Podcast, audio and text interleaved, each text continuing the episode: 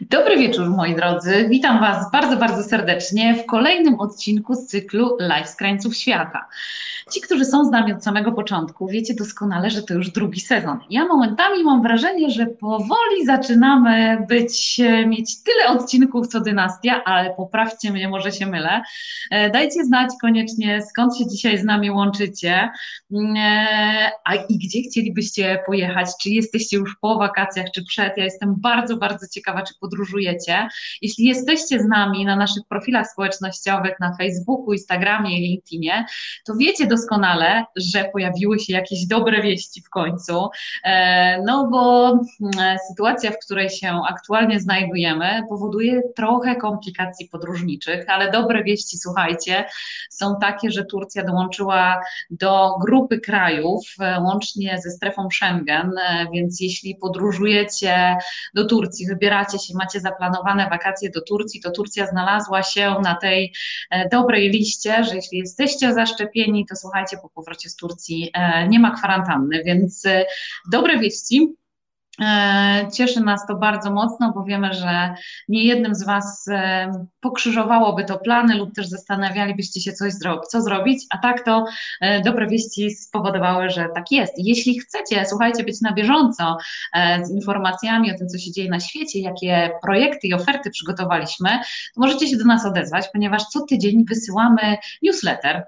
Newsletter, w którym dzielimy się i informacjami dotyczącymi artykułów, które piszemy, i też e, właśnie tych informacji ze świata, e, bardzo aktualnych, ponieważ staramy się e, być z Wami w różnych miejscach na świecie, relacjonować nasze podróże. Ja z tego miejsca bardzo serdecznie Wam dziękuję za to, że byliście ze mną wirtualnie wprawdzie podczas mojej ostatniej podróży na Bonaire, którą relacjonowałam dla Was powiem Wam taki mały sekret, tylko między mną a Wami, że planuję kolejną podróż i obiecuję, że będziecie mogli być jej częścią.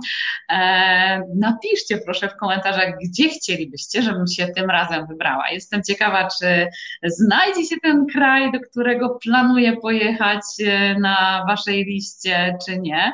Także bądźcie z nami dzisiaj, proszę, w kontakcie. Dzisiaj bardzo wyjątkowe e, wydarzenie, dzisiaj wyjątkowy live. Zabieram Was, moi drodzy, do Brazylii, jak doskonale wiecie, e, jednego z największych krajów na świecie, piątego pod względem powierzchni w którym mieszka ponad 200 milionów ludzi. Znajduje się na Ameryce Południowej, moi drodzy, w kilku strefach czasowych. E, największe miasta, które możecie kojarzyć, to oczywiście Rio de Janeiro i São Paulo. Hmm, a więcej na ten temat witamy, witamy Marlenko, cieszymy się, że jesteście z nami, jest Dorota, jest e, tak, dzisiaj łączymy się z Brazylią. Jeszcze nas tam nie było. A dzisiaj w ogóle bardzo wyjątkowy gość. Ja już się nie mogę doczekać, powiem Wam szczerze, tej rozmowy. E, jeszcze tylko zanim się połączymy, to słuchajcie, zerkajcie na naszą stronę internetową. E, tam się pojawiają projekty, które dla Was przygotowaliśmy. Jest i Lucyna, super, witamy Cię bardzo, bardzo serdecznie.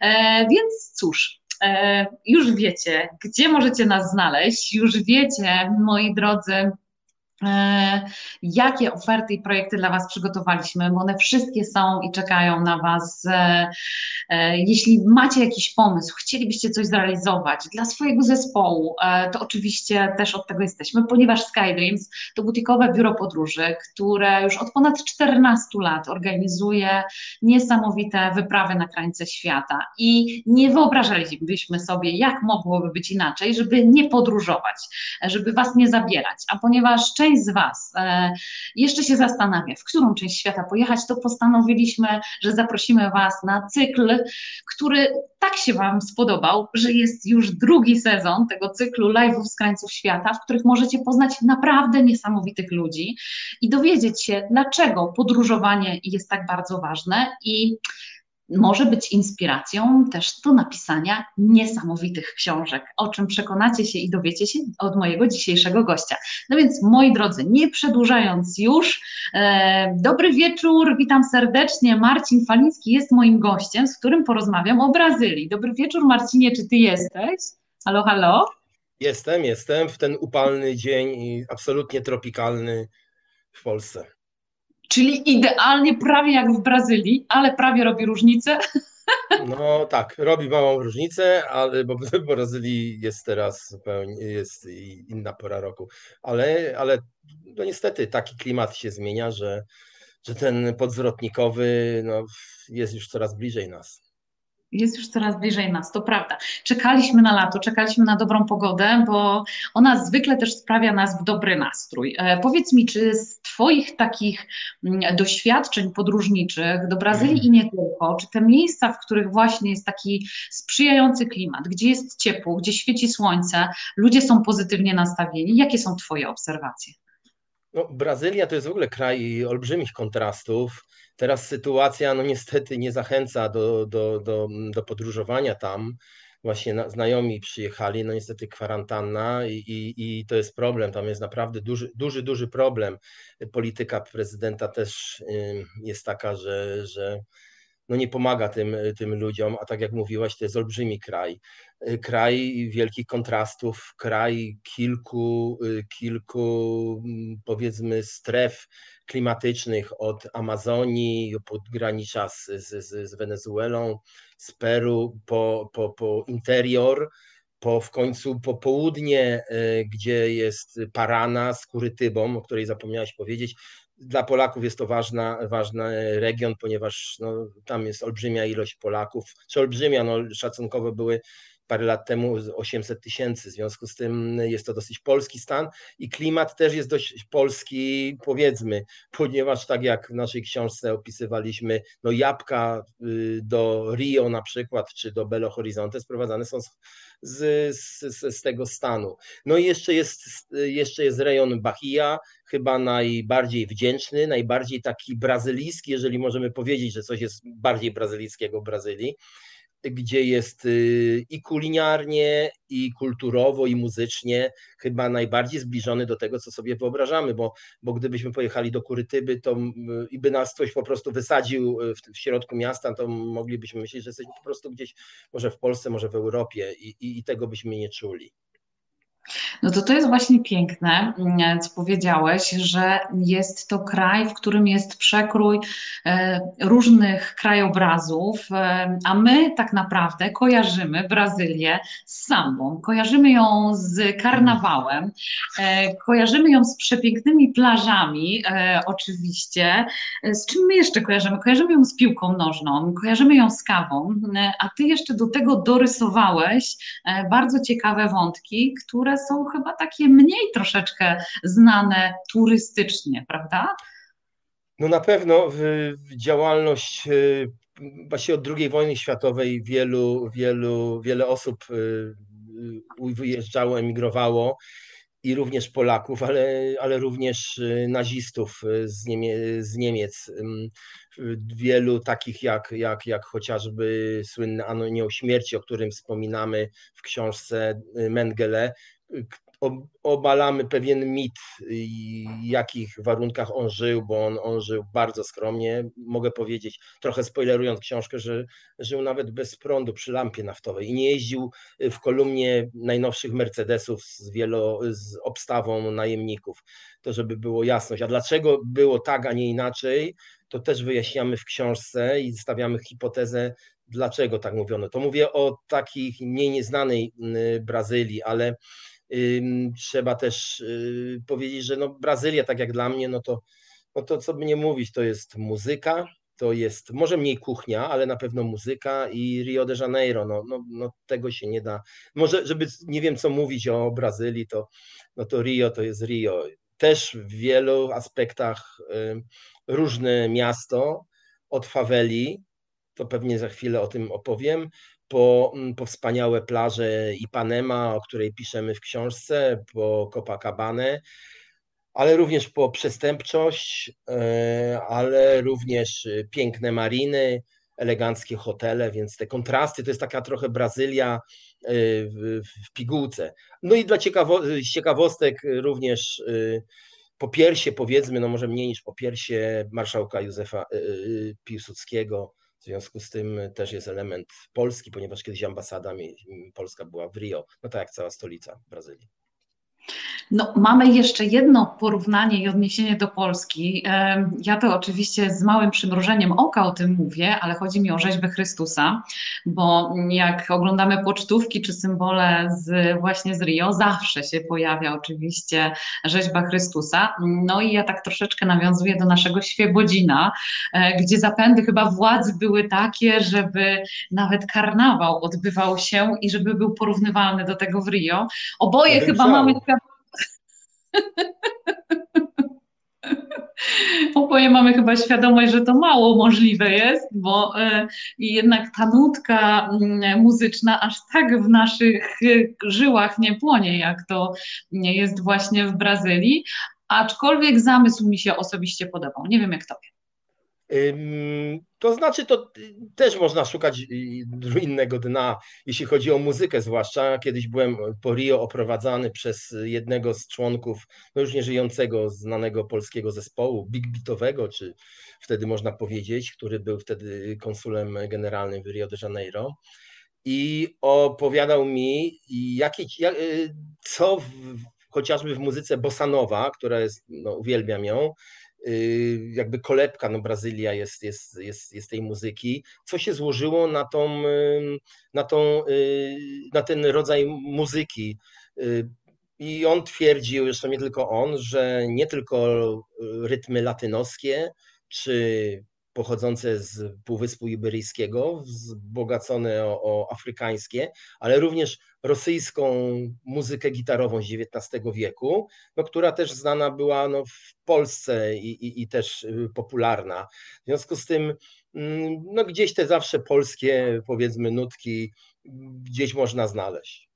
Mimo znaczy, wszystko, nie tylko, nie tylko y, o tym, że ten Chrystus, ten polski no, takie pomysły są z, z karnawałem. Ja bym bardzo się cieszył, żeby taki karnawał był, żeby ludzie się kochali, żeby piękne dziewczyny półnagie maszerowały po tym mieście. Nie wiem, czy tam by się zmieściła tyle kobiet i co by powiedziały miejscowe władze kościelne na to, ale jestem zwolennikiem takiej imprezy również w Polsce, jak najbardziej. Świetnie to ująłeś, naprawdę bardzo się cieszę. Ja myślę, że to też jest dobry moment, ponieważ wspomniałeś kilkakrotnie o książce. E, mhm. oczywiście twoi fani, którzy mam nadzieję, że są tu dzisiaj z nami, e, twoi czytelnicy, to oni doskonale wiedzą, o jakiej książce ty mówisz, ale być może ci, którzy są z naszej strony, chętnie by się coś więcej na ten temat dowiedzieli, bo ja nie zdążyłam zrobić takiego pięknego wprowadzenia, chociaż ci, którzy są dzisiaj z nami, to mm, z pewnością przeczytali nasze zaproszenie i krótkie wprowadzenie do tej dzisiejszej rozmowy, ale chciałabym, żebyście od Marcina usłyszeli, e, o parę słów na temat trylogii historyczno-szpiegowskiej, której jest współautorem e, i której akcja między innymi właśnie w Brazylii się dzieje. Marcin, jakbyś tak, w, wiem, że to trudne zadanie, ale jakbyś tak powiedział e, trzy słowa w kontekście właśnie trylogii, którą, mhm. którą o czym ona jest i, i czego można w niej szukać. Y, pierwsza książka, powieść, którą pisałem z, z Markiem Kozubalem, moim jeszcze kolegą ze studiów, obecnie dziennikarzem Rzeczpospolitej, y, to była Operacja Rafael. Później była Operacja Singe i w tym roku, kilkanaście dni temu, miała miejsce premiera książki Operacja Retea. Y, Retea po rumuńsku sieć, ale również jest to powiedzmy słowotwór znany w języku i hiszpańskim i brazylijskim i też jest związany z siecią. Y, w tym wypadku siecią radzieckich, potem rosyjskich agentów czy nielegałów, czyli oficerów pod bardzo głębokim e, przykryciem, pod zmienioną tożsamością. Akcja prowadzi do Brazylii, bo właśnie tak jak już wspominałem, tam ścierają się wywiady izraelski Mossad, czy radziecki y, właśnie, czy radzieckie KGB, y, a później pojawiają się również y, Brytyjczycy z MI6, ale również jest tu taki wspaniały wątek, który bardzo, bardzo lubimy z Markiem, mianowicie Y, oficerowie polskiego wywiadu, polskich sił zbrojnych na zachodzie, którzy emigrują, którzy zakładają rodziny, którzy jeszcze tam pracują dla wywiadu, który ściśle współpracował z brytyjskim wywiadem. Jak wiemy, nawet jeszcze do 60. lat ci oficerowie byli czynni. W związku z tym jest to jest to też opowieść, jak wykorzystać można de dezinformację czy inspirację dla osłabienia kraju, akurat w tym wypadku Izraela, który jest wiele tysięcy kilometrów dalej, jak to Rosjanie czy y, Sowieci robią z mistrzowskim rezultatem. A akcja się dzieje, tak jak już mówiłem, nie tylko w interiorze, ale właśnie w Rio de Janeiro, Belo Horizonte. Jest też o diamentach, jest o kopalniach, jest o, o, o tym, co ludzie, y, jak funkcjonowali wtedy w 60 latach i jak teraz, jak, się, jak, jak teraz y, ci bohaterowie już po latach, właściwie ich dzieci y, są, się odnajdują.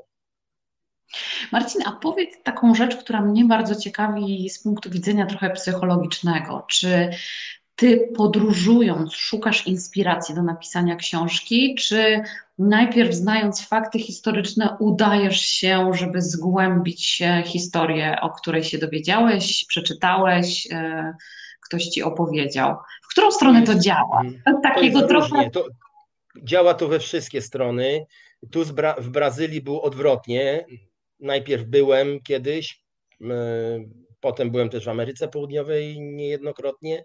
W związku z tym, no to jest ten sam klimat, powiedzmy, no Brazylia jest y, język portugalski, to jest ten żywioł, ale otoczona tym żywiołem hiszpańskim, powiedzmy, czy językiem hiszpańskim, w związku z tym ten język też jest inny, ten brazylijski, można powiedzieć, czy ten brazylijski, portugalski. To jest taka sytuacja jak z Rumunią, że niby język rumuński jest romański, a 60% słów z tego, co mówią specjaliści, to są słowiańskie słowa. W związku z tym tam też taka występuje sytuacja, no ale to naturalne ale to trudno powiedzieć, bo jeżeli jechałem do mm, Iraku na, na jakiś no, dłuższy czas, przebywałem, czy w irackim Kurdystanie, to jechałem tam zupełnie no, po co innego, a coś się zdarzało, coś się dowiadywałem, poznawałem nieprawdopodobne historie, a więc, więc trudno powiedzieć, to nie ma reguły, zupełnie nie ma reguły. Ale, Ale jest... dobrze, jest, dobrze jest y, pisać i miałem tak w przypadku właśnie y, pierwszej książki czy drugiej, że no pojechałem na ferie zimowe do Iraku. Zresztą polecam północny Irak. A propos Twojego pytania na początek. Y, to dosyć turystyczne miejsce, aczkolwiek nie trzeba się zbyt blisko zbliżać terenów zajętych przez państwo islamskie.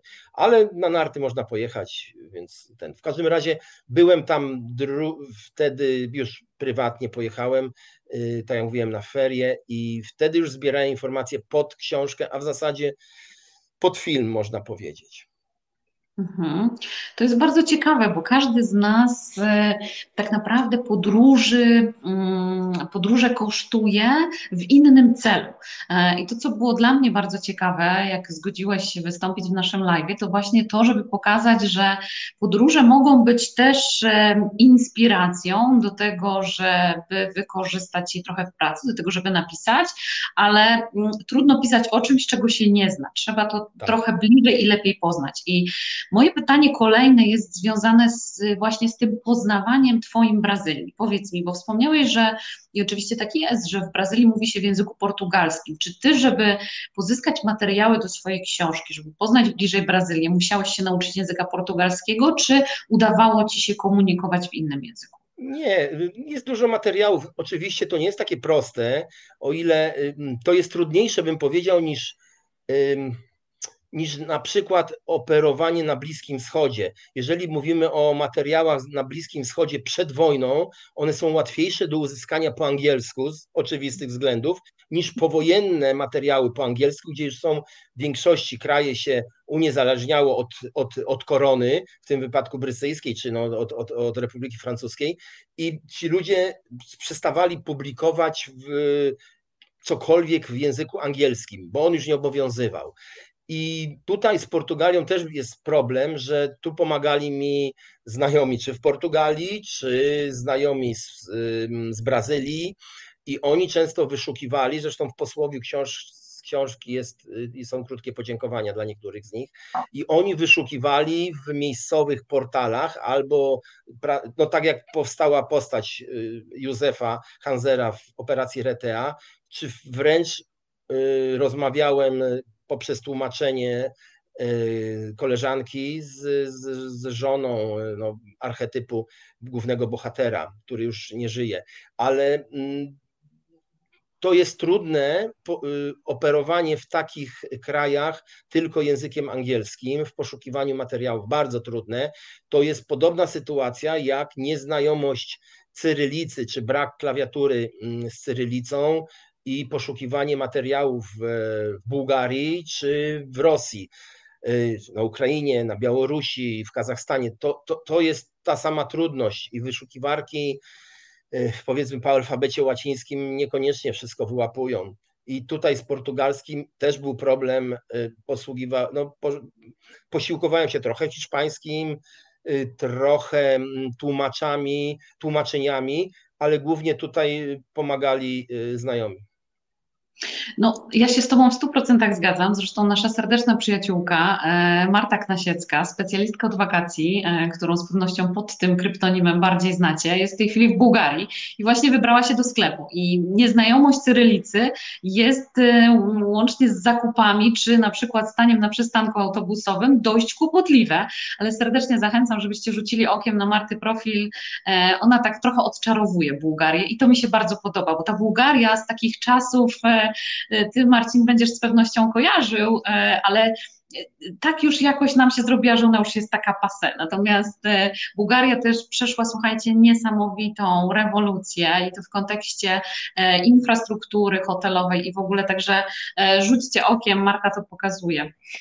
Ale ja, ja bym się akurat nie zgodził do końca. Wiele elementów w Bułgarii, akurat niedawno byłem, nie udało mi się w tym roku jechać znowu właściwie zapaść w wielu miejscach. Jeżeli wjeżdża się w interior bułgarski, można spotkać, ja rozmawiałem ze znajomymi, z Bułgarami, e, e, można spotkać całe wsie, właściwie całe miasteczka, olbrzymie wsie opustoszałe.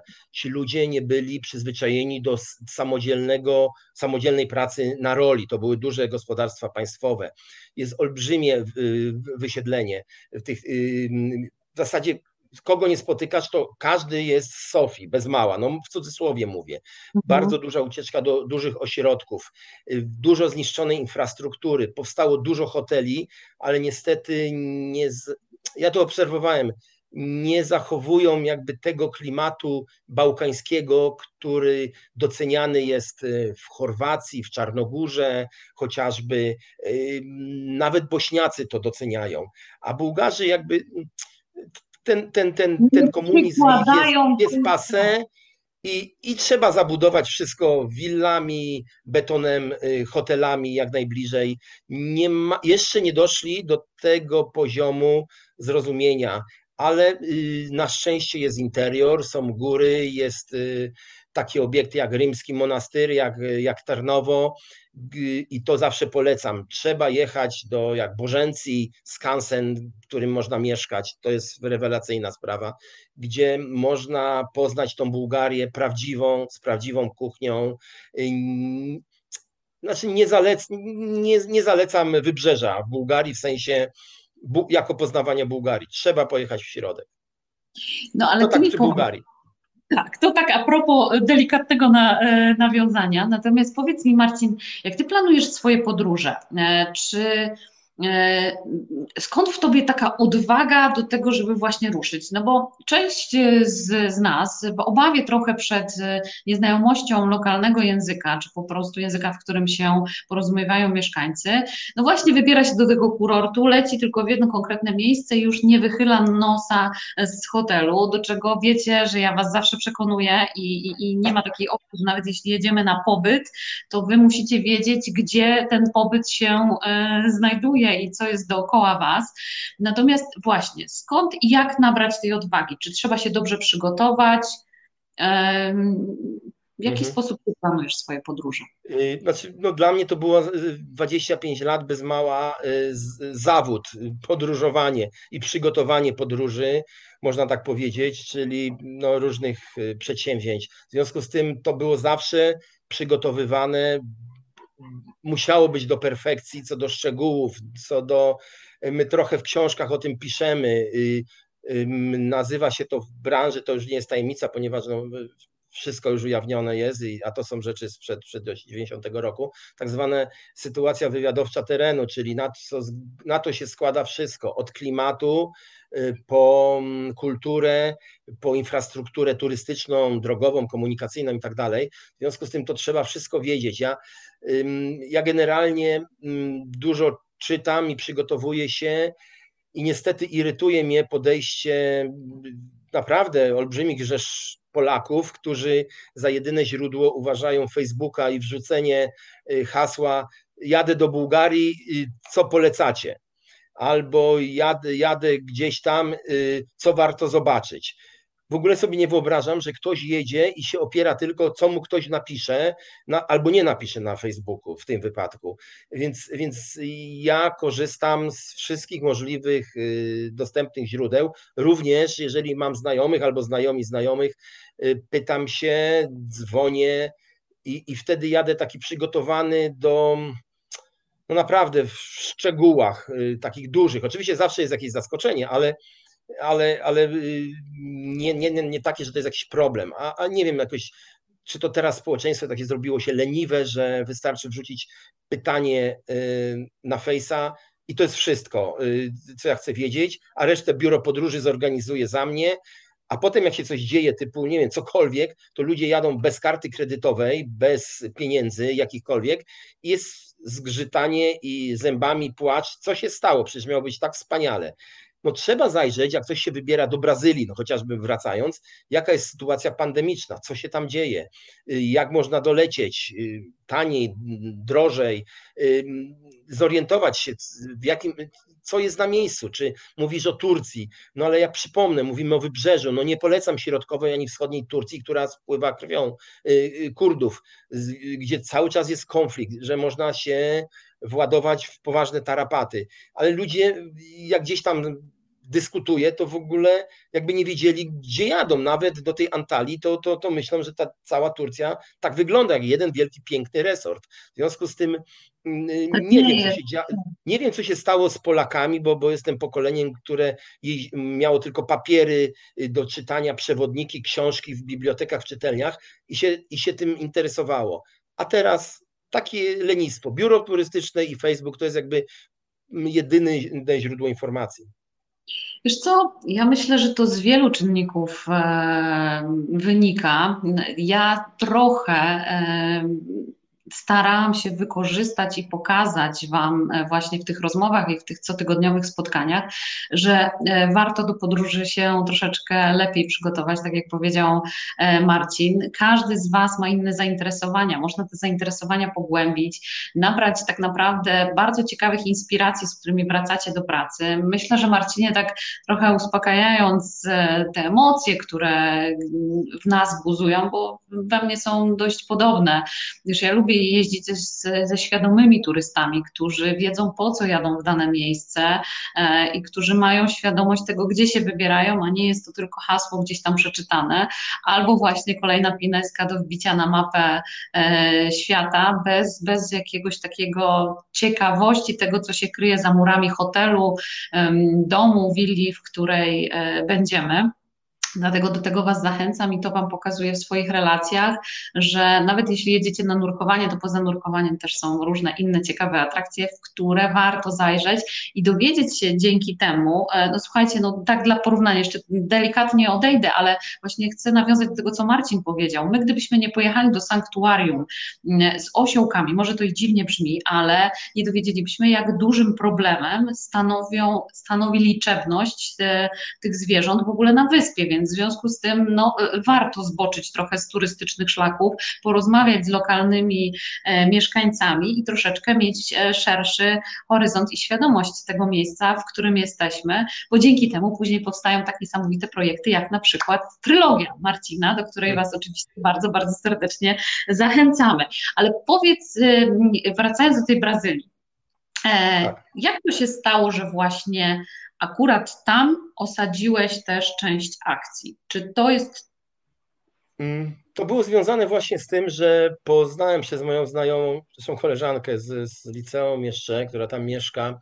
Poznałem właśnie opowieść o, o wspaniałym człowieku, o, o panu Józefie, który uciekł z Polski, udało mu się przed Holokaustem, ponieważ był pochodzenia, pochodził z żydowskiej rodziny, z, z, z Małopolski, który do końca życia był wielkim polskim patriotą. To teraz w kontekście tego od wielu lat mamy w relacjach y, polsko-izraelskich czy polsko-żydowskich cały czas jakieś problemy. To był taki przykład y, polskiego Żyda, który po prostu uwielbiał Polskę, wszystko co polskie, do końca mówił tylko po polsku.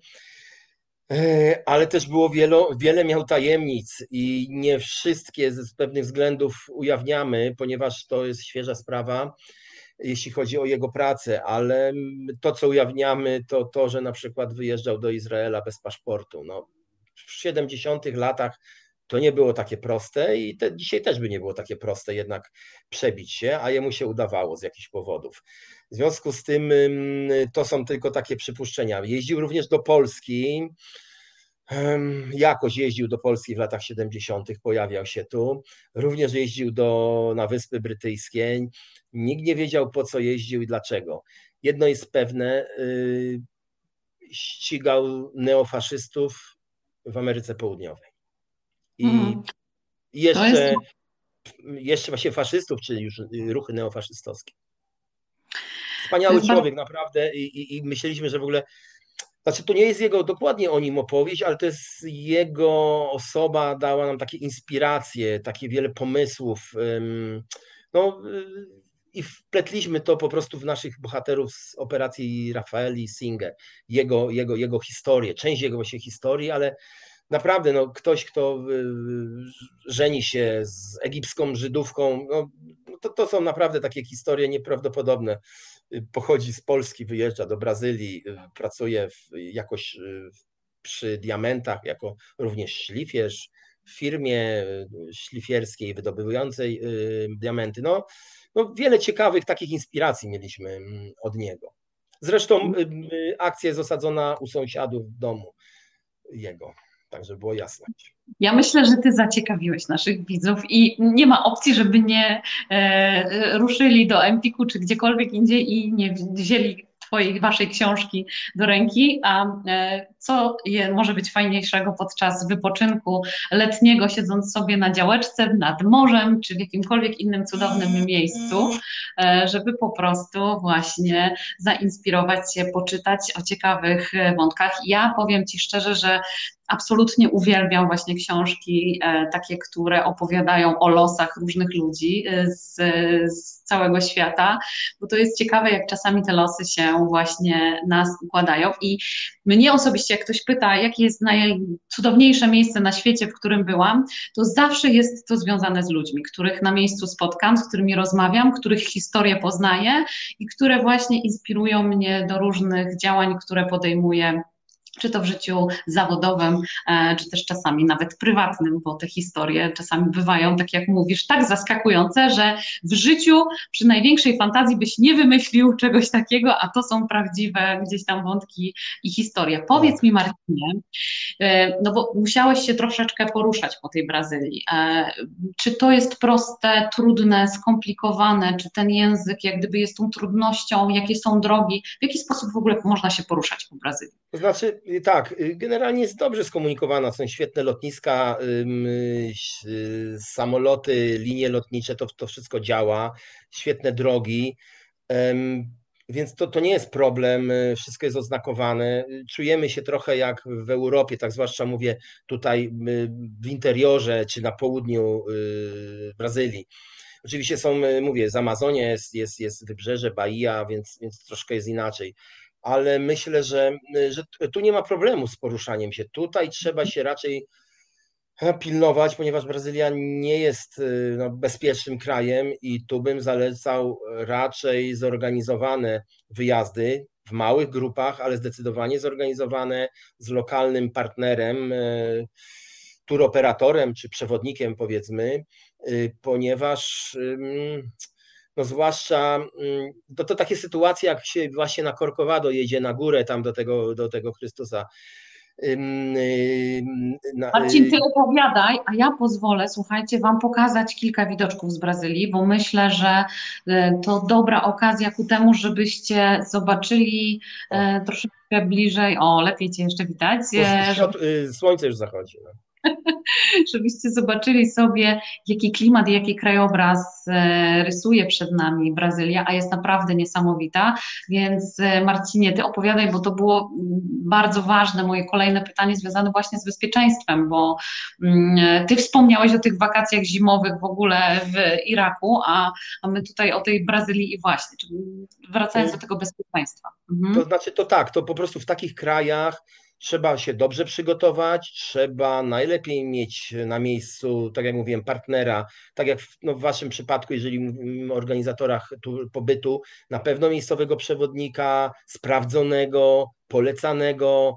Ym, o, dobrze się poruszać jest albo w małych grupach, no albo ryzykować y, pojedynczo, to też to nie jest wykluczone, to bez przesady nie jest tak, ale trzeba być zorientowany. To jest taka przykład, właśnie jak zacząłem y, jazdy na, tam na górę do, do, do, do, do Chrystusa, do pomnika, na dole są dwie drogi, rozwidlenia, taka sama, ani lepsza, ani druga i, i można wjechać albo w drugą, albo w drugą, Przy, zwłaszcza, że do jednej zachęcają, żeby wjechać miejscowi, że to tam jest, tam do tego Chrystusa się jedzie i tak jak mi kolega powiedział, nie, nie, to tam właśnie, gdzie zachęcają, nie można jechać, bo to jest już w fawele się wjeżdża, już się nie wyjeżdża. Mm, to znaczy w najlepszym wypadku y, wychodzimy w majtkach albo bez, nie wiem, czy klapki zostaną. Y, mój znajomy też, który tam mieszkał w Rio wiele lat, mówił, że on jego, on mieszkał od, od, od bardzo wiele tam lat, mówi, jego nigdy nikt nie napadł, nie ograbił, ale on mówi tak, wychodzę w t-shircie, w kąpielówkach z ręcznikiem, no i mam najwyżej 10 dolarów w kieszeni. Y, nie mam aparatów, nie mam e, kamer, nie mam, nie jestem świetnie ubrany. jestem takim przeciętnym sobie człowiekiem, bo przecież to, to że jesteśmy innej karnacji, innej rasy, y, to takich ludzi, takich Brazylijczyków jest bardzo wielu, więc to nie jest tak, że my się rzucamy tam w oczy. Ale zwy, mówi, nigdy wiele lat mieszkał, nigdy nie miał problemów. Za to ja znam taką, takie sytuacje, dosłownie spotkałem, że, że, że no, wyszli z hotelu i żeby w hotelu im nic nie ukradli, to zabrali ze sobą kamerę, aparat i laptopa, bo w hotelu mogli ukraść coś, nie? No i poszli, no i wrócili z plaży, no mówię, no, w kąpielówkach. Marcin, a powiedz, czy ta sytuacja, bo oczywiście to jest bardzo ważny wątek, który, który poruszasz, my zawsze też przygotowujemy naszych turystów właśnie do tego, tylko nie wszyscy nam wierzą, bo to im się tak wydaje właśnie, że to, co zabiorą ze sobą, to, to dobrze. Panie też obwieszone czy złotem, czy czymkolwiek, szczególnie w tych najbardziej turystycznych miejscach, nie do końca to dobry pomysł, szczególnie ze względu na po prostu przeogromne różnice, bo są przecież e, Brazylijczycy, którzy są e, obłędnie bogaci, ale i są też tacy, którym po prostu absolutnie brakuje e, do tego, żeby spełnić najbardziej podstawowe potrzeby. I teraz ponieważ wspomniałeś, że podróżowałeś i po interiorze, i po południowej części Brazylii, czy ta sytuacja dotyczy tylko i wyłącznie Rio de Janeiro, czy to po prostu jest ogólnie... To znaczy wielkich, wielkich skupisk, znaczy skupisk ludzkich powiedzmy, no nie wielkich, bo przecież w Amazonii nie mamy ym, wielkich skupisk, no jest jedno miasto, Manaus wielkie, ale też jest problem y, z przestępczością. W związku z tym tam, gdzie są ludzie, tam, gdzie są kontrasty, gdzie są i bogaci, i średni, i, i, i biedni, no będzie coś takiego takiego powstawało. No można by powiedzieć, że w dżungli brazylijskiej jest najbezpieczniej, no jak, nas, jak nie mamy jakichś problemów, nie jesteśmy na terenie no, mieszkańców rdzennych, to nie mamy problemów, no, ale mamy inne no, z, z, z przyrodą, ze, z fauną i florą. W związku z tym y, na pewno, no i São Paulo, no, no, no to chyba jeszcze jest bardziej niebezpieczne miasto niż, niż Rio. W Rio można jakby trzymać się pewnych miejsc, pewnych zasad, właściwie pewnych miejsc można powiedzieć i przemieszczać się taksówką, które nie są drogie, z miejsca na miejsce, w, ta, w takie właśnie miejsca bezpieczne, w miarę bezpieczne oczywiście. Jeżeli ktoś się obwiesi złotem, tak jak mówiłem, kamerą, laptopem i aparatem, żeby mu nie ukradli w hotelu, no to się prosi o problemy. Y, to samo jak się kwestia ubierania. No, warto, ja, ja zwłaszcza ja bardzo przywiązywałem zawsze uwagę, ponieważ wiele problemów y, moi koledzy, nie tylko polscy, czasami mieli z powodu sposobu ubierania się w różnych krajach. Trzeba po prostu nie zwracać się uwagi na siebie. No i tyle. No, y, trzeba przede wszystkim słuchać tych, co, co, do, co, co byli, co dobrze radzą. I, i absolutnie i absolutnie nie dawać jakichkolwiek powodów do, do agresji.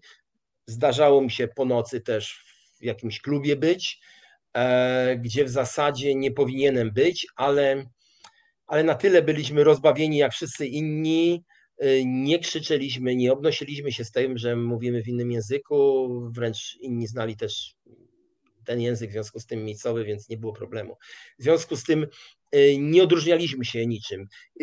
Taki fragment jest w, w, chyba w drugiej książce, w wersji Singa, jak jeden z bohaterów zaleca koleżance, żeby parę dni przed wyjazdem pochodziła jednak na, akurat do Ameryki Południowej, w tym wypadku do Wenezueli jadą, żeby pochodziła na, do solarium w Warszawie, że jak przyjedzie, żeby wyglądała tak raczej na albo miejscową, jak się odpowiednio bierze, albo już na y, turystkę, która już tutaj już co najmniej kilka tygodni wszystko zna.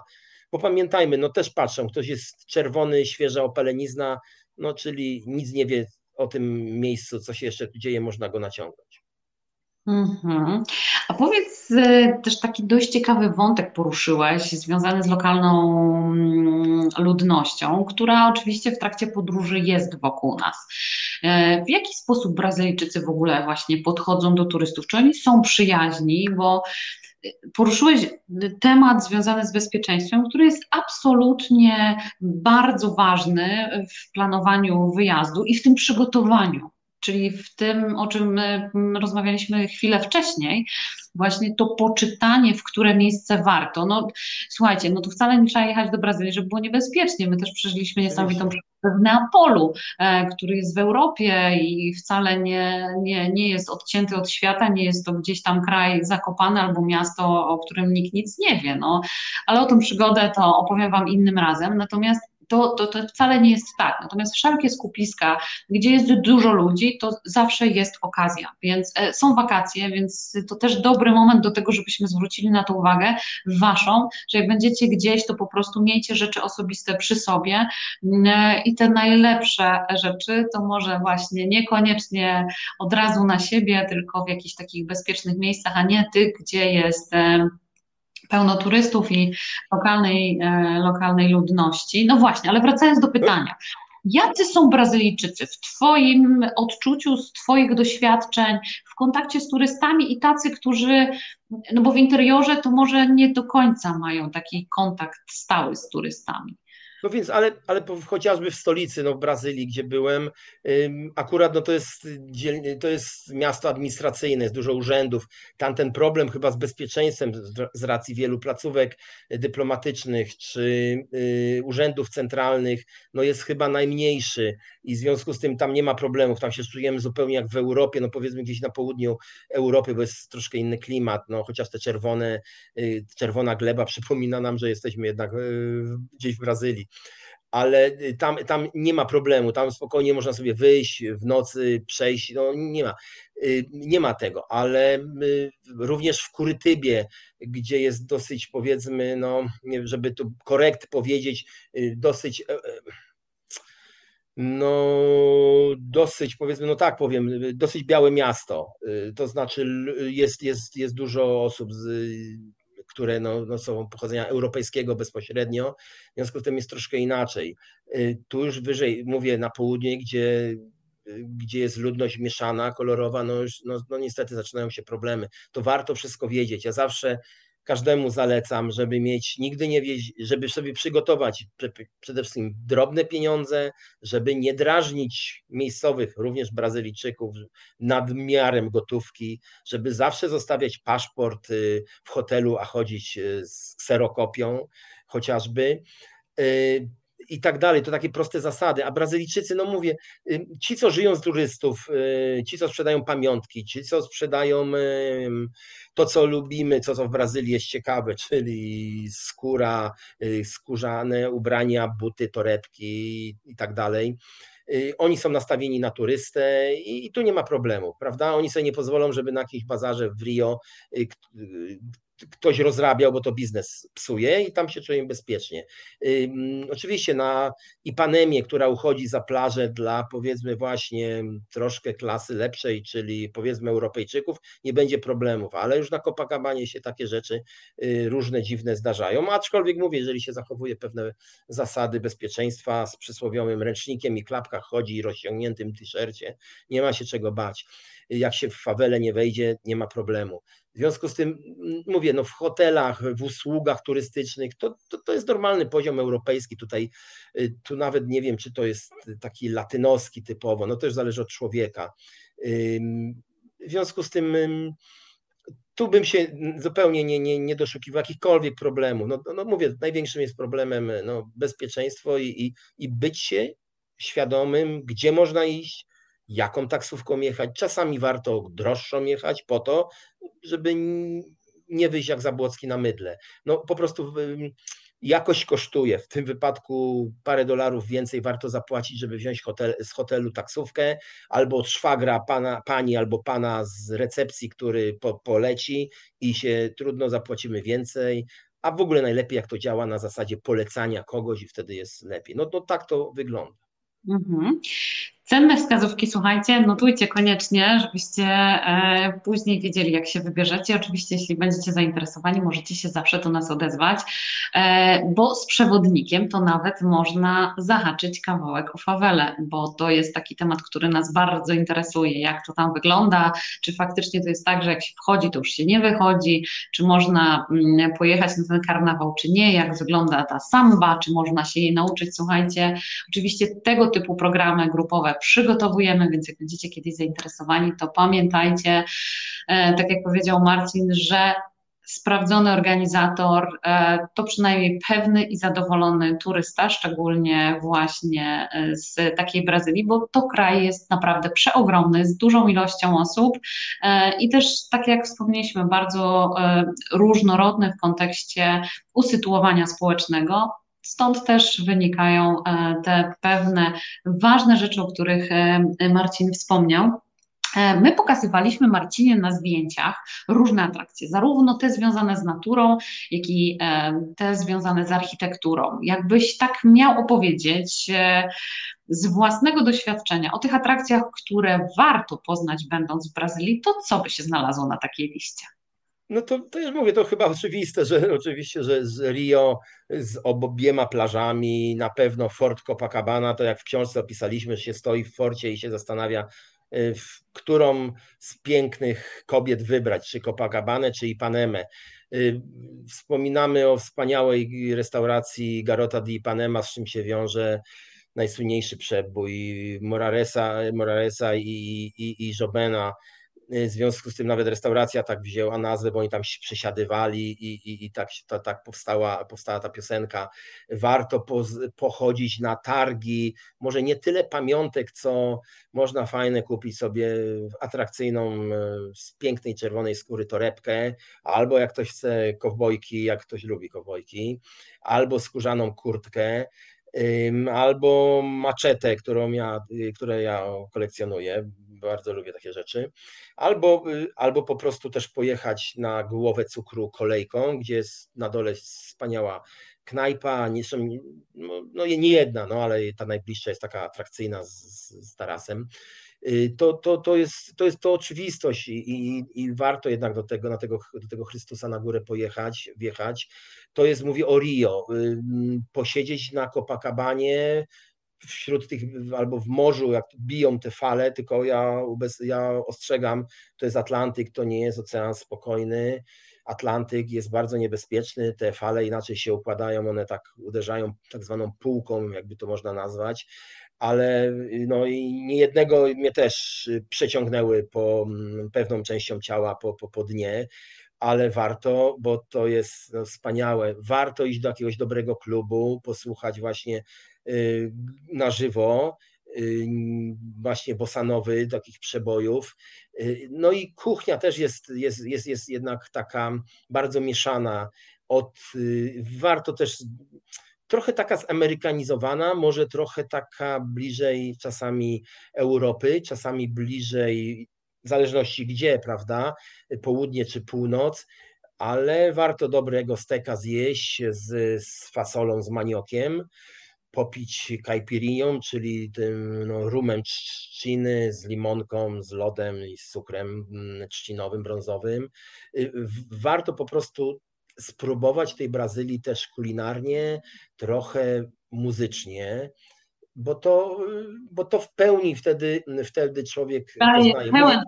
O Rio, oczywiście, no jest coś wspaniałego, tak, ja, ja nie byłem, ale to mi opowiadali znajomi, wyjazd na Amazonkę, aczkolwiek po dwóch, trzech dniach tego samego krajobrazu, tego samego koloru rzeki, no może nie wszystkim pasować, więc jeżeli się nie jest naprawdę na ekskluzywnym statku, gdzie są inne atrakcje, nocne, dzienne, to może być troszkę nudne. Na pewno y, na wodospady pojechać, no, największe na świecie. Myślę, że wybrzeże, w ogóle środkowe wybrzeże, czyli rejon Bahia, gdzie jest właśnie, gdzie jest muzyka troszkę taka bardziej no, afrykańskim elementem, gdzie jest troszkę inne jedzenie, ta kultura, gdzie są świetne ośrodki, takie typu domki y, skryte, mm, skryte jakim, jakimiś liśćmi i tak dalej, na, na dobrym poziomie. No, warto też y, właśnie pośpiewać, potańczyć przy ognisku organizowanym, więc ta, ta Brazylia na pewno jest różna, tak jak mówiłem, no pojedziemy do Kurytyby, poczujemy się jak w Europie. Y, może, można nawet znajoma, koleżanka moja tam restaurację z pierogami założyła, więc by z polskimi. No.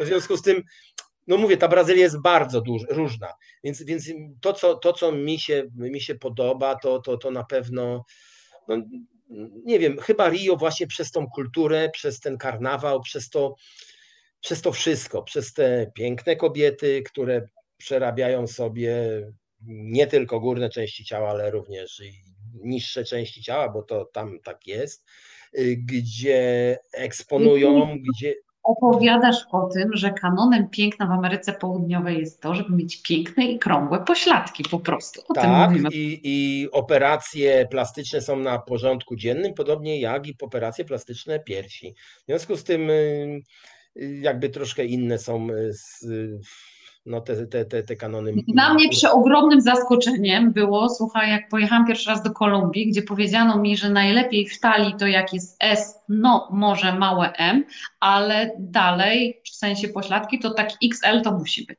Nie? No tak, Więc tak, to... przycinanie, przycinanie żeber, no. E, Kolumbia i Wenezuela to można by dużo mówić e, właśnie o samym przemyśle przemyśle medycznym, że tak powiem, medycyny plastycznej. Tam kiedyś y, spotkałem taką dziewczynę, która dostała bodajże, żeby mnie strzelił na 16 urodziny od dziadków, czy no, któreś tam urodziny. Tak, nawet na komunie, słuchaj, dziewczynki Na komunie dostała na przykład na powiększenie piersi albo pośladków, albo wycięcie żeber. No taki, taki prezent. No, Kiedyś się rozmawiam w hotelu z ratownikiem, który był na basenach i on mówi, o zobacz, ta to była w zeszłym roku, to miała zrobione tą górę, w tym roku już ma dół. No, no tak to tam wygląda, jest to też pewien koloryt i, i, i, i mówię, to jest to nie tylko, to nie tylko zwiedzanie, nie tylko forty, nie tylko przyroda, ale również, ale również muzyka, jedzenie, ta kultura, ta właśnie kultura samby, kultura bosanowy, która, tak jak mówiłem, no, specjaliści właśnie łączą ją naprawdę z bardzo ciekawymi z ciekawymi mm, y, wpływami, jest, jest, jest, jest, jest bardzo interesująca i mówię, i to, to, to warto w Brazylii na pewno zobaczyć, to przeżyć. Mhm. A wspomniałeś o kuchni, e, powiedziałeś o stekach, powiedziałeś, że jakby co, to można się do Ciebie odezwać po dobry adres na pierogi. E, no tak, ale nie wiem, czy ktoś będzie chciał w Kurytybie iść na pierogi ruskie albo z mięsem, mm, albo z kapustą kiszoną. To zależy, jak długo będzie w podróży. Wiesz, jak to jest, Marcin? Jak już się długo jest, to się tęskni za tymi naszymi polskimi smakami. No tak, tak, tak. Ja to, ja to też przeżywałem, ale ja mimo wszystko bym, y, bym pozostał. Moja znajoma, właśnie, która mieszka w Brazylii, robi świetną paellę. To jest właściwie hiszpańskie danie, ale jakby zaadoptowane do Brazylii i ona robi z, z homarem y, i z krewetkami, z ryżem oczywiście i to jest w szafranie i w kary. Y, na dużym półmisku podawane, y, czy właściwie na metalowym, y, na metalowej tacy okrągłej. I, i, mm, I ona też mi opowiadała właśnie, że to różne robią paele, ale te chyba, chyba są najlepsze, bo robią też z mięsem oczywiście, z wołowiną, ale ta z owocami morza jest chyba naj, najlepsza. W związku z tym to jest kuchnia trudno powiedzieć, że brazylijska. Na pewno ta fasola, ten manio wszędzie się gdzieś przewija, ale właśnie steki, a no, no to steki, no Argentyna, y, prawda, czy, czy Urugwaj, y, to, to stamtąd steki, czy, czy te smaki ostrzejsze, to wpływy już takie ewidentne trochę kuchni meksykańskiej. W związku z tym y, do tego dochodzi właśnie kuchnia hiszpańska, portugalska, trochę afrykańska. No to jest taki zlepek, a, i, i, a jak wiemy, wszelkie mieszanki są najlepsze w muzyce, w, w urodzie w, i w kuchni również. No, ja się z Tobą zgadzam. Czyli rozumiem, że kuchnie całego świata to tak naprawdę jest, każdy znajdzie coś dla siebie. Nie tylko mięso, nie tylko warzywa, ale tak, tak naprawdę. Tak, tak, tak. Wszystko, wszystko. I warto, warto właśnie, mając miejscowego przewodnika, czy organizatora, czy turoperatora, już, pro, już rozmawiać o tym przed wyjazdem, to y, żeby właśnie nie do, nie do jakiejś restauracji typowej, w hotelu, w jakiejś znanej, tylko żeby znalazł y, ja na przykład bardzo lubiłem, y, jeżdżąc po świecie, być w domach ludzi i prywatnie na obiady być zapraszany, czy wpraszałem się nawet na kolację, na obiady, bo to, to, było dopiero, to była dopiero uczta taka mm, kulturalno-kulinarna, i to jest wspaniałe, właśnie być do domu zaproszony. I myślę, że to jest taka ciekawa propozycja, żeby mieć na takie wyjazdy taki mm, punkt programu, że właśnie wizyta w jakiejś, jakiejś fajnej haciendzie, gdzieś świetnie robią e, jakieś specjały. To naprawdę ja bardzo mówię, bardzo, bardzo tego szukałem zawsze. Ale to jest w ogóle oczywiście rzecz, którą my w naszych projektach Incentive bardzo lubimy wplatać, żeby zajrzeć do takiej lokalnej kuchni i właśnie z taką lokalną gospodynią pogotować, czy to upiec chleb, czy właśnie jakieś warzywa, e, żeby zjeść niekoniecznie na talerzu, ale czasami na liściu. Takie projekty właśnie robiliśmy też między innymi na Sri Lance, w Indiach, w wielu cudownych miejscach, więc poruszyłeś bardzo ważny wątek w częścią podróżowania i poznawania kultury to są nie tylko zabytki i te budynki, które Was otaczają, ale po pierwsze ludzie, to o czym wspomniał Marcin, ich historie, kuchnia, która jest y, i próba takiego nawiązania kontaktu. Y, czasami nawet na straganach możecie poznać niesamowitych ludzi, tylko oferujcie im trochę czasu i zainteresowania, a zobaczycie, że przeżyjecie niesamowite przygody. Przygoda, którą przeżyłam E, w, w Kolumbii, słuchajcie, chodząc po straganach, które były po prostu małymi miasteczkami, w których bez przewodnika w życiu bym się nie odnalazła, ale on nas tak przeprowadził, gdzie się okazało, że tu jest jeden sąsiad od czegoś, tu drugi sąsiad od czegoś i stworzyła się z tego tak przepiękna historia, e, że, że jest to coś niesamowitego, co warto pamiętać. A Marcin, ceny. Czy Brazylia jest droga? Nie, nie jest droga. Y, drogi jest przelot tak powiem prosto i, i wprost. Po prostu daleko. I, i, I ja mówię, jadąc do Ameryki Południowej również no, prywatnie, no, no to, jest, to jest olbrzymi wydatek tak naprawdę dla, dla mm, przeciętnego Polaka. Oczywiście no, są różni mistrzowie, poszukiw- którzy znajdują połączenia, ale te połączenia to oni znajdują do Azji często, do Wietnamu, gdzieś tam do, do Indii, przez Ukrainę, przez Białoruś, Kazachstan, kombinują, to, to się tam udaje jakoś znaleźć, jakieś dziwne połączenia. no ale niestety mm, tu się nie przeskoczy, tu, tu, tu tylko możemy liczyć na albo linie brazylijskie, albo Air France, albo Lufthansa. No, taka jest, taka jest rzeczywistość. Przed wojną e, lot latał do Ameryki Południowej, chciałem powiedzieć. No.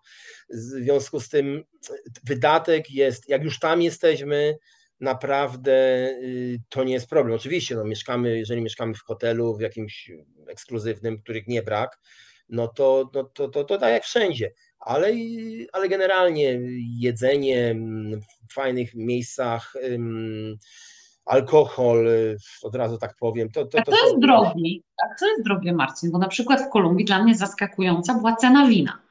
Mimo bliskości Chile, po prostu cena za wino była przekosmiczna. A co w Brazylii jest drogie? Takich Twoich doświadczeń? Jest coś takiego, co Ci zapadło w pamięć? Najdroższe są samochody, z tego co pamiętam. Mhm. Okay. To, to, to, to, to raczej nie, nie, nie dotyczy turystów. Ja tylko tak radzę, że jak ktoś idzie na bazar i kupuje dziewczynie naprawdę piękną torebkę, która jest naprawdę super zrobiona, świetnej skóry, to na, na, w założeniu zawsze proponować 50%. Ja tak zawsze proponuję. Czyli targować. Czyli targować. Zdenerwuje się sprzedawca w ogóle, ale warto od tego zaczynać. Mówię, ja zawsze od 50% zaczynam, to jest w ogóle naj, najwyższa stawka, którą daję, a daję czasami mniej, tak z założenia. Ale mówię, skóra jest niedroga, na pewno wszystkie wyroby ze skóry są niedrogie i są naprawdę bardzo atrakcyjne. Też bym ostrzegał przed pamiątkami, które są zakazane przywożenia do Unii Europejskiej. Mhm. No, powiem tak, no, zdarza się. Opowiadaj, opowiadaj, bo to jest też pytanie bardzo ważne zawsze dla naszych Zdarzało się, no, z niewiedzy oczywiście co, co nieco przywieźć. Różne są historie z tym. Jeżeli lecimy tranzytem przez Francję, możemy mieć problemy, może przez Niemcy mniejsze.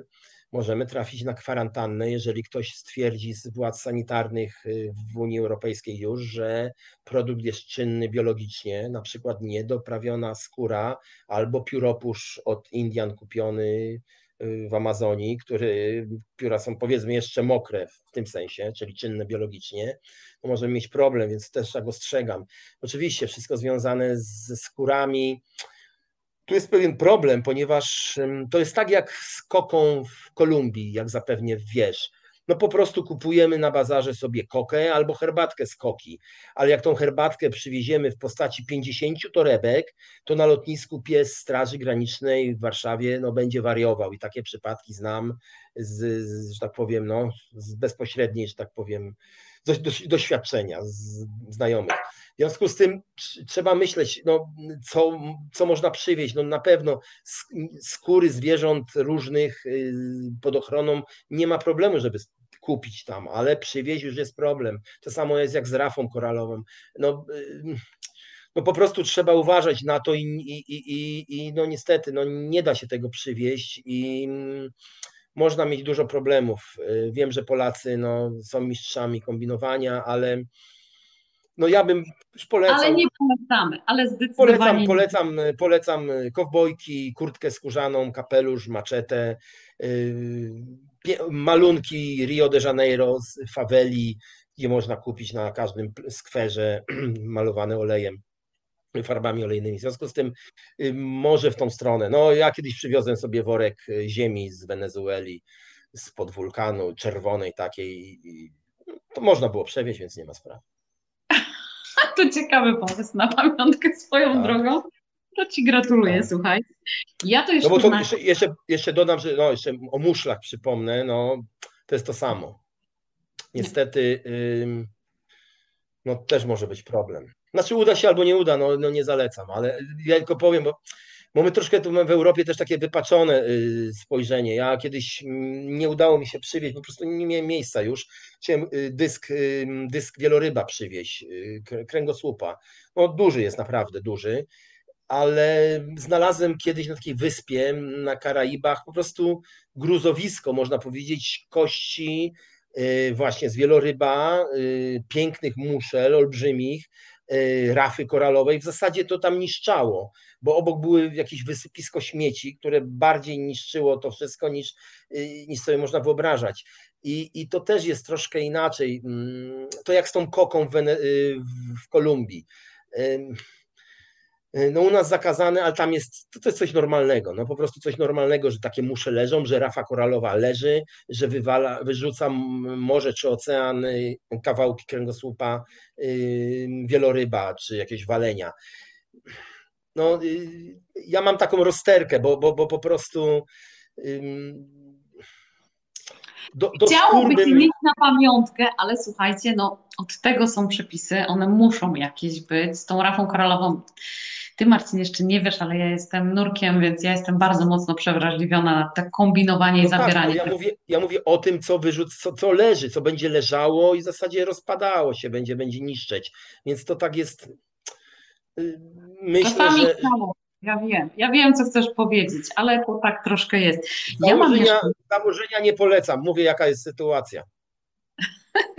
Ja mam jeszcze na koniec jedno pytanie, bo myślę, że wielu naszych widzów, po pierwsze to słuchajcie moi drodzy, koniecznie dajcie znać w komentarzach, czy wy byliście już w Brazylii, bo jestem bardzo, bardzo ciekawa, a czy naszą rozmową i takimi historyczno-szpiegowskimi wątkami udało nam się was e, namówić do tego, żeby jak sytuacja się oczywiście uspokoi, bo teraz to niekoniecznie e, polecamy, ale Brazylia jest bardzo ciekawym krajem e, pod wieloma względami. Marcin, na koniec jeszcze pytanie, które mnie osobiście bardzo nurtuje, ale jestem przekonana, że naszych widzów też, e, ponieważ byłeś agentem wywiadu. Jakie są plusy, jakie minusy i, i czego ty się nauczyłeś w podejściu do życia z tej pracy? Oficerem wywiadu, bo w polskiej nomenklaturze agent to współpracownik i to jeszcze cudzoziemiec. Przepraszam? Ale to okej, okay, dobra, to, to standard, nie? ale no czego? No to no, y, jakie są plusy? No to o tych plusach mówimy od ilu? Od, od godziny, tak? No to właśnie tak. O wyjazdach, o poznawaniu świata, ludzi, y, takie poznawanie ludzi. To nie jest to, że to teraz się dzieje, ale to zawsze oficerowie wywiadu y, przywozili trochę takie inne spojrzenie w służbach mhm. na świat, że ten świat inaczej wygląda, że nie wszyscy są imperialistami, Y, sionistami i tak dalej, czyhającymi i rewizjonistami zachodnio-niemieckimi, którzy czyhają na naszą, na naszą ojczyznę. W związku z tym y, przywozili czym świat, informacje, czym świat żyje, jak się rozwija i tak dalej, a żeby tam funkcjonować, oni też nie mogli być siermiężnymi, tak jak kiedyś w latach, nie wiem, 70., 60., 80., siermiężnymi funkcjonariuszami, tylko też musieli reprezentować swój jakiś poziom, nie tylko znając znać języki obce, ale i znać to, co, o czym mówimy, kulturę, warunki, relacje, umieć się w to wszystko zagłębić, w to społeczeństwo, no, żeby zdobywać informacje oczywiście, ale to są te plusy. No minusy, że e, takiego podróżowania są takie, czasami bardzo intensywnego, że człowiek się budzi w domu, na łóżku i nie wie, gdzie jest. I to trwa kilka minut, albo się budzi i nie rozumie, dlaczego za oknem o świcie ktoś śpiewa z minaretu. Potem łapie, że to jest muezin, nawołuje na modły. I, i, i, I rozumie, dlaczego w Warszawie w tym przypadku za oknem mu ktoś zbudował minaret. Dopiero parę minut mija, zanim się orientuje, że już jest zupełnie gdzie indziej. To jest tak, że nie poznaje się, to nie tylko ja, ale to tak koledzy, koleżanki tak mają, że się nie poznaje własnych partnerów wyrwany ze snu. I bywało, że się pyta, kim pan albo kim pani jest i co tu robi zanim się człowiek y, mm, zorientuje i dojdzie do siebie. To są również choroby, to są, to ja dlatego ja bardzo uważałem zawsze, a i też nie udało, nie udawało mi się tego uniknąć, poważne choroby, gdzie, gdzie niestety no, w tym klimacie, no malarii nie złapałem, ale, ale wydawało mi się, że już y, nic w środku nie mam, o tak powiem, że chyba zaraz umrę. Y, to są te minusy to jest zmęczenie, to jest jazda czy loty w klimatyzacji, stracenie zupełnie odporności zdrowotnej, takiej normalnej, którą mamy, gdzie trzeba było się już szczepieniami przeciwko grypie ratować, żeby dobrze funkc- jakoś funkcjonować, bo y, zmiany czasu, klimaty, y, klimatu, y, to tak naprawdę na dłuższą metę jest no, no zabójcze i bardzo męczące, bardzo, bardzo. To są te, te minusy. Do tego stres, pobyt w krajach niebezpiecznych, gdzie chcą cię zabić, albo próbują zabić, albo wysadzić w powietrze, albo zastrzelić prawie codziennie, jakoś potem już człowiek nie zwraca na to uwagę. W związku z tym to są te minusy, ale, ale zdecydowanie poznawanie ludzi, świata, kultur, to co mówi, o czym rozmawialiśmy cały czas, jest wspaniałe i fascynujące. I za to bardzo dziękuję, bo tą pierwszą część, którą zaczęłeś opowiadać, o tym zmianie czasu, o tym, że czasami się budzimy i zastanawiamy się, gdzie jesteśmy, to bym powiedziała, że ta praca w pewnym sensie jest podobna do pracy pilota wycieczek. Bo my też no tak, tak, mamy. Tak. W takim trybie jeżdżenia, który zaburzył nam się oczywiście z początkiem e, zeszłego roku, to tak nie jest, ale, ale my też się w tym odnajdujemy. Zresztą moja serdeczna przyjaciółka Marta, którą pozdrawiam z tego miejsca, która mieszka teraz w Gdańsku, zadzwoniła do mnie i mówi: Słuchaj, kiedy my w końcu pojedziemy do Maroka, bo wiesz, tam na tym straganie, ja pamiętam, że były takie fajne lampy, ona by mi teraz idealnie pasowała do pokoju, a ja zupełnie nie wiem, gdzie w Gdańsku ją znaleźć, więc mamy i łapiemy się na czymś, że w tych miejscach, które znamy, wiesz, gdzie oprowadzamy turystów, to my już kojarzymy, co gdzie jest, a teraz, żeby to znaleźć tutaj gdzieś w naszej okolicy, to tak ciężko. No, no niestety, no, no, no tak jest i, i, i to samo piloci mają linii pasażerskich, personel pokładowy. No, y, no to tak jest, zwłaszcza są szybkie przeloty. To nie są marynarze, którzy płyną, płyną, płyną i, i, i jest takie bardzo mhm. taka klimatyzacja. Tylko jest nagle i y, też musimy się przyzwyczaić. Ja tego nie za, no fajnie jest, ale nie za bardzo lubię tej y, strefy równikowej, właśnie Brazylia czy Ameryka Środkowa, to o szóstej równo zachód słońca i ten o szóstej wschód słońca. Taki krótki dzień, nie? W ogóle dzień krótki, jest szósta, już jest ciemno, a jest przecież lato. No to jak lato, to do 22 jasno u nas. No i to, yy, i to ciemność, jest ciepło, lato, a piąta rano, a tu jest noc jeszcze. W związku z tym ja bym doceniał zmiany pór roku, chociaż dla mnie może zimy nie być, może być w górach tylko. Doceniałbym piękne zachody słońca, wschody i, i, i to, to zróżnicowanie. To chodzenie, jak ja mówię, w klapkach i w koszuli, w t-shircie cały rok no w końcu to, to się nudzi. No to jest tak jak z tym statkiem po, po Amazonii. On płynie, jest pięknie, piękna ta Amazonia, można by byliśmy w Amazonii, płyniemy, płyniemy, płyniemy i ona jest taka sama, nie, ani nie ma gór, ani pagórków, ani nic się nie dzieje. Jak nie przypłynie ktoś z zaopatrzeniem, to w ogóle nie ma atrakcji. No i wydaje nam się, no byliśmy na rejsie po Amazonce i jak nie jesteśmy w ekskluzywnym, luksusowym statku rzecznym, no to, to nic specjalnego. W związku z tym no trzeba też się zastanawiać, zastanowić, co chcemy zobaczyć, czy jesteśmy na to gotowi. Nie, nie połykajmy, że tak powiem, wszystkiego tego, co, co nam czasami w folderach pokazują, tylko porozmawiajmy, popytajmy, zorientujmy się, co jest, co jest ciekawe w danym kraju, w danym miejscu. I w jaki sposób lubicie wypoczywać, bo każdy z nas troszeczkę tak. inaczej.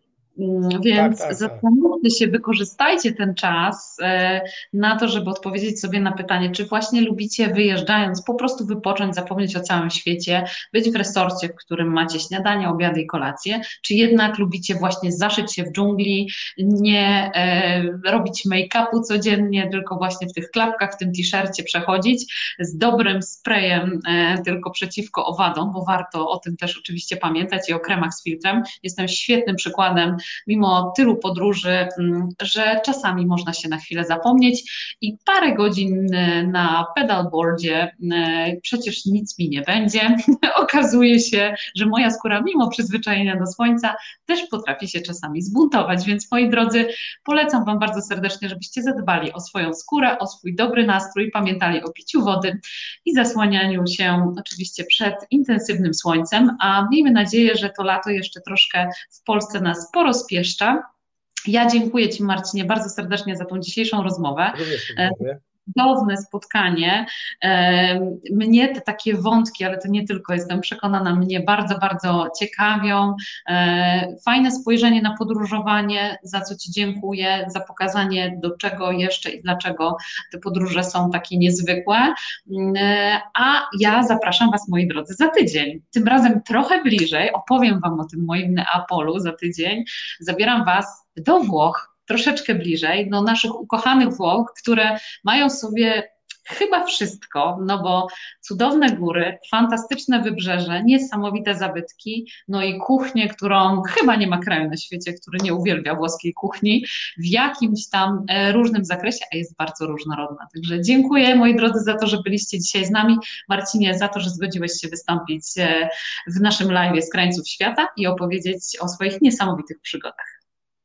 Dziękuję. Ja tylko dodam dla specjalnie zainteresowanych, że nad moją głową wisi obraz z Tanzanii ze sztuki Tinga Tinga. Warto pojechać. Przy okazji Zanzibaru jednak zobaczyć też Tanzanię. Super, dziękuję bardzo. Dobranoc, trzymajcie się i do Dobranoc. zobaczenia.